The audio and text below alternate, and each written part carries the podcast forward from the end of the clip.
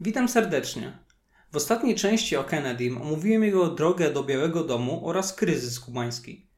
Można by pomyśleć, że po sukcesie, jakim było wykrycie radzieckich baz rakietowych na terytorium Kuby oraz doprowadzenie do usunięcia ich poprzez zastosowanie blokady morskiej, Kennedy silnie umocni swoją pozycję. Niemniej tworzył on sobie równolegle wpływowych wrogów. Porażka w Zatoce Świń doprowadziła do tego, że Kennedy utarł nosa służbom specjalnym, między innymi dymisjonując szefa CIA. Gorycz porażki została również zapamiętana przez Nikitę Chruszczowa, przywódcę Związku Radzieckiego oraz przywódcę Kuby Fidela Castro. Również mafia miała własne porachunki z rodziną Kennedy, gdyż brat prezydenta Robert Kennedy był prokuratorem generalnym, który wytoczył mafii otwartą wojnę.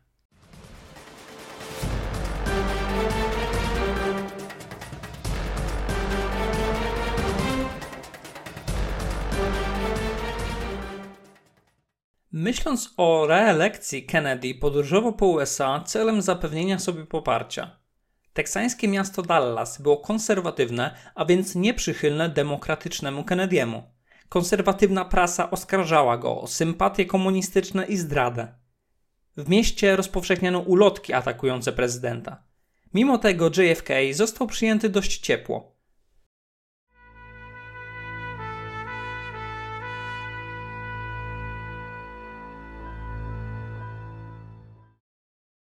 Feralnego dnia kolumna pojazdów przemierzająca Dallas wjechała w Delay Plaza. Gapie za kilkoma motocyklami mogli dostrzec prezydencką limuzynę. Za nią jechał samochód tropiący z agentami Secret Service. Kolumna zbliżała się do budynku składnicy książek, przed którym samochody musiały zwolnić i skręcić. Żona gubernatora Teksasu odwróciła się i zapytała: Panie prezydencie, nadal sądzi pan, że nikt pana nie lubi? Nie, z pewnością nie. Przywódca supermocarstwa mógł odetchnąć i spoglądał na tłum. Wyglądało na to, że podróż do Dallas przebiegnie lepiej niż się spodziewał. Ten euforyczny stan wyparował w ułamku sekundy. Czas jakby zwolnił, gdy rozległ się strzał.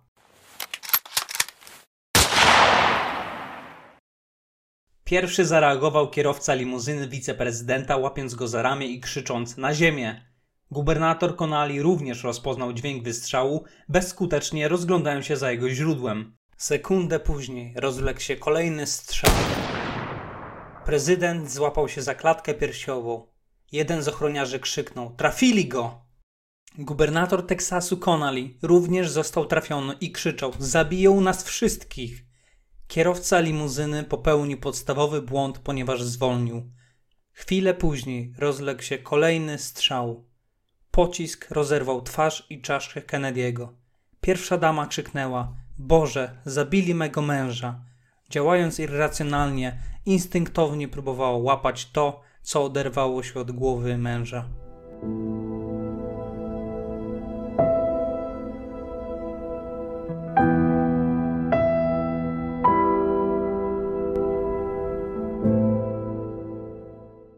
Wiadomość o zamachu szybko rozprzestrzeniła się po kraju. Stacje telewizyjne i radiowe przerywały swoje transmisje celu nadania szokującego komunikatu. Życie zamarło. Ludzie udawali się do najbliższego radioodbiornika lub telewizora celem śledzenia wydarzeń, przerywając swoje czynności i pracę.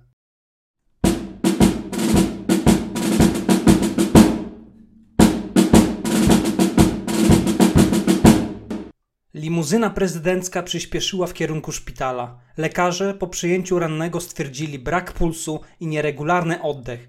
Próbowano wszelkich metod. Mimo tego 35. prezydent Stanów Zjednoczonych John Kennedy zmarł. Wiceprezydent Lyndon Johnson zrozumiał, że stał się właśnie nowym prezydentem USA. Nie wiedzący czego się spodziewać funkcjonariusze w obawie przed kolejnym zamachem nie odstępywali go od tego momentu na krok. Zamachowiec zaraz po strzelaniu prezydenckiej limuzyny opuścił składnicę książek, skąd oddawał strzały i podążył do domu.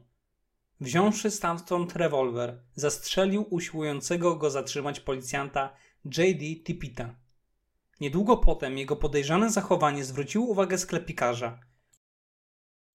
Podążył on za nim do kina i kazał kasjerce wezwać policję. Kino zostało otoczone przez kilkunastu policjantów i aresztowało sprawcę. Ustalono tożsamość zamachowca. Był nim były amerykański żołnierz Lee Harvey Oswald. Oswald przez kilka lat przebywał w Związku Radzieckim, skąd później wrócił do Stanów. Pracował w budynku składnicy podręczników Dallas, z którego miał oddać śmiertelne strzały w kierunku prezydenta. W dniu aresztowania Oswalda policja wraz z FBI rozpoczęła długie przesłuchanie. Podczas niego Oswald kategorycznie zaprzeczał oskarżeniom o zabójstwa oraz posiadanie karabinu Karkanu, z którego strzelano. Zażądał adwokata i nie zezwalał na badania wariograficzne, przyznając, że jest marksistą. Co zaskakujące, z tak ważnego śledztwa, jakim jest zabójstwo głowy państwa, nie sporządzono żadnego stenogramu. Pozostały jedynie odręczne zapiski funkcjonariuszy. Prasa została poinformowana, że Oswald będzie przewieziony do aresztu powiatowego. Przyjrzyjmy się nagraniu, podczas którego Oswald odpowiada na pytanie reporterów. Uwagę zwraca jego końcowa reakcja, jakby uświadomił sobie, że został wrobiony. Did him. Did you kill the president? No, I've not been charged with that. In fact, nobody has said that to me yet. Uh, first thing I heard about it was when the newspaper reporters in the hall uh, asked me that question.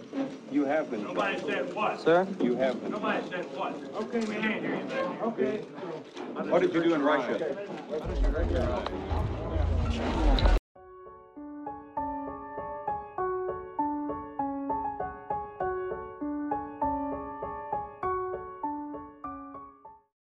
Policjanci prowadzili skutego w kajdanki Lee Harvey Oswalda, oskarżonego o zabójstwo prezydenta. Tłum dziennikarzy filmował i fotografował całe zdarzenie. Niespodziewanie z tłumu wyskoczył mężczyzna z wyciągniętym rewolwerem. Oddał on strzał z rewolweru prosto w brzuch skutego Oswalda. Strzelca szybko obezwładniono. Sam Lee Oswald przeżył, lecz stracił przytomność. W celu ratowania jego życia przewieziono go do szpitala.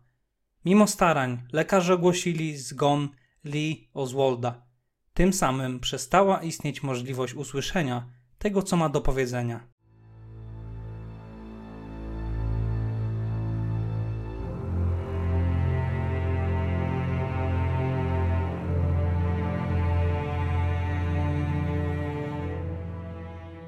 Człowiek strzelający do Oswalda nazywał się Jack Ruby.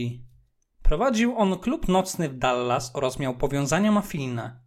Ruby po aresztowaniu pytany przez reporterów stwierdzał, że chciał w ten sposób zemścić się za śmierć Kennedy'ego i oszczędzić bólu jego żonie Jacqueline. Wina Rubiego była oczywista i nagrana przez reporterów. Został on skazany na śmierć, lecz wyrok wstrzymano na skutek apelacji obrońców. Ruby nie dożył kolejnego procesu, oficjalnie umierając na zatorowość płucną. Raport wydany przez powołaną komisję do spraw zabójstw stwierdzał, że Jack Ruby znał osobistości przestępczego podziemia w Dallas. Między innymi Carlosa Marcello, bossa mafii, która spiskowała w celu zabójstwa JFK.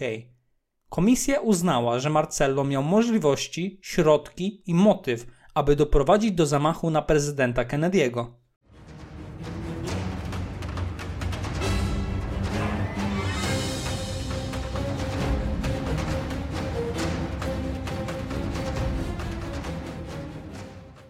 John Kennedy zmarł, tak jak i jego domniemany zabójca. Zabójca Oswalda został skazany na śmierć. Na tym w zasadzie mógłby być koniec, lecz było zbyt dużo niewiadomych. Powstawały sensowne teorie na temat spisku dotyczącego zabójstwa prezydenta oraz padały poważne oskarżenia. Miliony ludzi domagały się prawdy. Przyjrzyjmy się więc zatem najbardziej popularnym teoriom oraz kontrowersjom. Pierwsza z nich mówi, że morderstwo prezydenta USA zostało zorganizowane przez komunistów. Trwała wtedy zimna wojna. Kennedy odgrywał główną rolę podczas kryzysu kubańskiego i atomowego zagrożenia ze Związkiem Radzieckim. Szlak kubański brzmiał, że Fidel Castro mógł zorganizować zamach na Kennedy'ego w zemście za amerykańską inwazję w Zatoce Świń, blokadę morską Kuby oraz rzekome próby zamachu CIA na jego życie. Kolejna teoria wskazuje na mafię, gdyż brat Kennedy'ego, Robert, był prokuratorem generalnym, który to wytoczył mafii wojnę. Lee Harvey Oswald miał mieć powiązania mafijne, a gangster Jack Ruby, zabijając Oswalda, miał uniemożliwić mu wyjawienie prawdy. W raporcie komisji Warrena wspomniano o wiarygodnych przesłankach sugerujących istnienie związków pomiędzy Lee Harvey Oswaldem, jak również Jackiem Rubim, a organizacją przestępczą Marcello.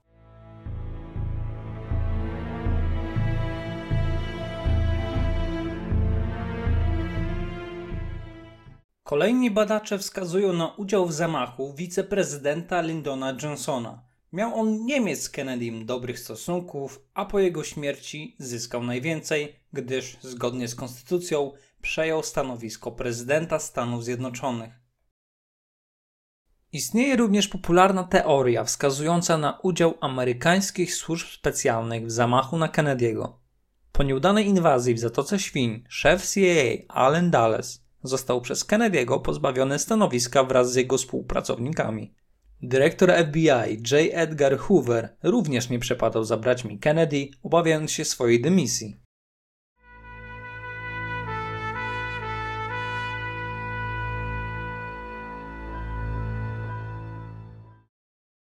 W celu wyjaśnienia okoliczności zamachów na Kennedy'ego, świeżo zaprzysiężony prezydent Lyndon Johnson powołał komisję Warrena, która wzięła swoją nazwę od stojącego na jej czele prezesa Sądu Najwyższego Erla Warrena. Po przeanalizowaniu tysięcy dokumentów i przesłuchaniu setek świadków, komisja w 1964 roku oświadczyła, że Lee Harvey Oswald zabił prezydenta działając w pojedynkę. Komisja oświadczyła, że motywy, jakimi kierował się zamachowiec, obejmowały wielbienie ideałów komunizmu, nienawiść do demokracji i chęć zapisania się w historii. Do dzisiaj dokumentacja raportu komisji pozostaje utajniona.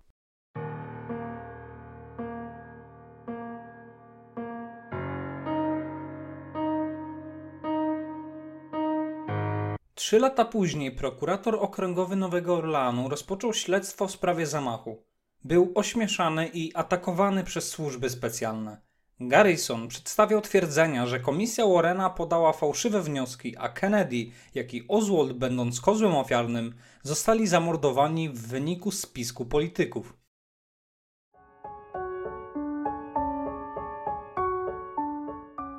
Amerykańska opinia publiczna podchodziła z dystansem i brakiem wiary w oświadczenia komisji Warrena. Pięć lat po zabójstwie JFK w 1968 roku oliwy do ognia dolały kolejne zamachy. Pierwszy na działacza na rzecz równouprawnienia Afroamerykanów i zniesienia dyskryminacji rasowej pastora Martina Luthera Kinga. Drugi na brata Johna, Roberta Kennedy'ego, który był szefem jego sztabu wyborczego oraz prokuratorem generalnym. Fala niezadowolenia amerykańskiego społeczeństwa doprowadziła do powołania przez Izbę Reprezentantów drugiej Komisji do Spraw Zabójstw w 1976 roku. Po dwóch latach pracy oświadczyła w raporcie, że istniał spisek na życie Kennedy'ego. Badania akustyczne nagrania wykazały z wysokim prawdopodobieństwem, że strzelało dwóch snajperów, lecz za zabójcę uznano Lee Oswalda. Odrzucono zarzuty o udział Związku Radzieckiego w zamachu. Raport posiadał również wzmiankę, jakoby w zamachu na życie Kennedy'ego brała udział amerykańska mafia. Kolejnym oświadczeniem komitetu było, że na podstawie dostępnych dowodów Secret Service, FBI ani CIA nie były zaangażowane w zabójstwo prezydenta.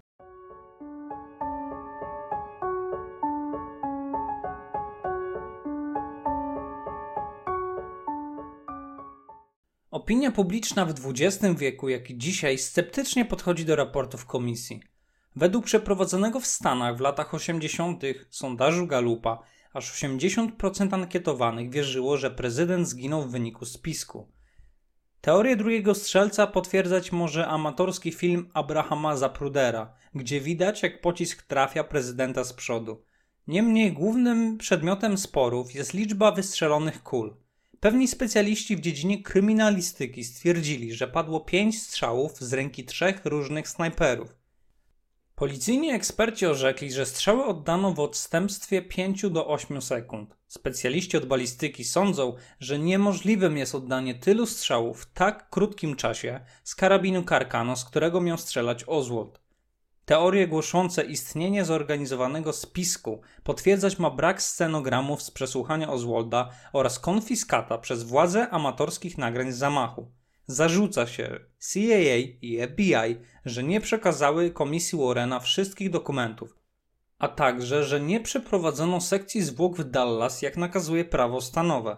Wykazano braki Secret Service, którego niedostateczna ochrona prezydenta ułatwiła dokonanie zamachu. Sensowne stanowiska głoszą, że Jack Ruby i Lee Oswald zostali zabici w celu uciszenia najważniejszych świadków.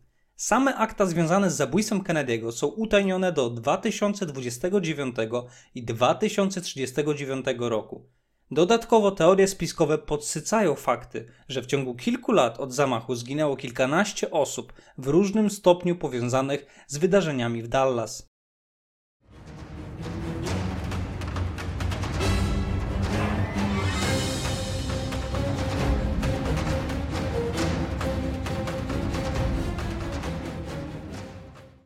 René Royven w słowniku zabójców pisał Piorunująca wiadomość z 22 listopada 1963 roku pamiętają wszyscy. Kennedy zamordowany.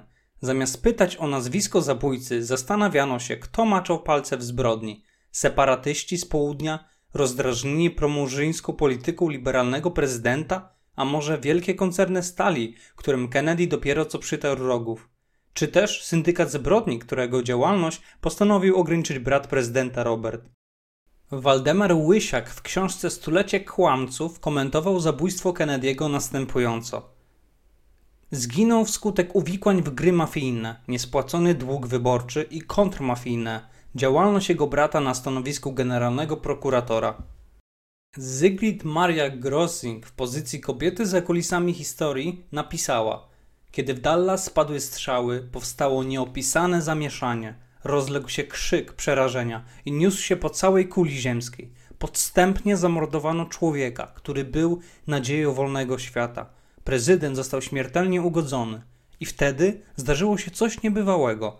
W jednej chwili człowiek, który miał wiele słabostek i wad, stał się bohaterem, legendą. W alfabecie Suworowa przeczytać możemy. Na zachodzie powszechnie się uważa, że najważniejszego zamachu XX wieku dokonano na Johna Fitzgeralda Kennedy'ego. Spektakularnie, na oczach milionów telewidzów, zestrzelony został bowiem prezydent Stanów Zjednoczonych. Morderstwo to rzeczywiście było widowiskowe. Na pewno nie było jednak zamachem stulecia. Zamachem stulecia było zabójstwo Siergieja Mironowicza Kirowa. Jakież bowiem konsekwencje przyniósł zamach na Kennedy'ego? Była to wielka tragedia, ale w jej wyniku zginął jeden człowiek. Natychmiast zastąpił go wiceprezydent Lyndon Johnson – Potem były wybory i pojawił się kolejny prezydent, Richard Nixon. Historia Ameryki dalej toczyła się tym samym trybem. Śmierć Kirowa pociągnęła za sobą śmierć setek tysięcy ludzi. Stała się punktem zwrotnym nie tylko w dziejach Związku Sowieckiego, ale i świata.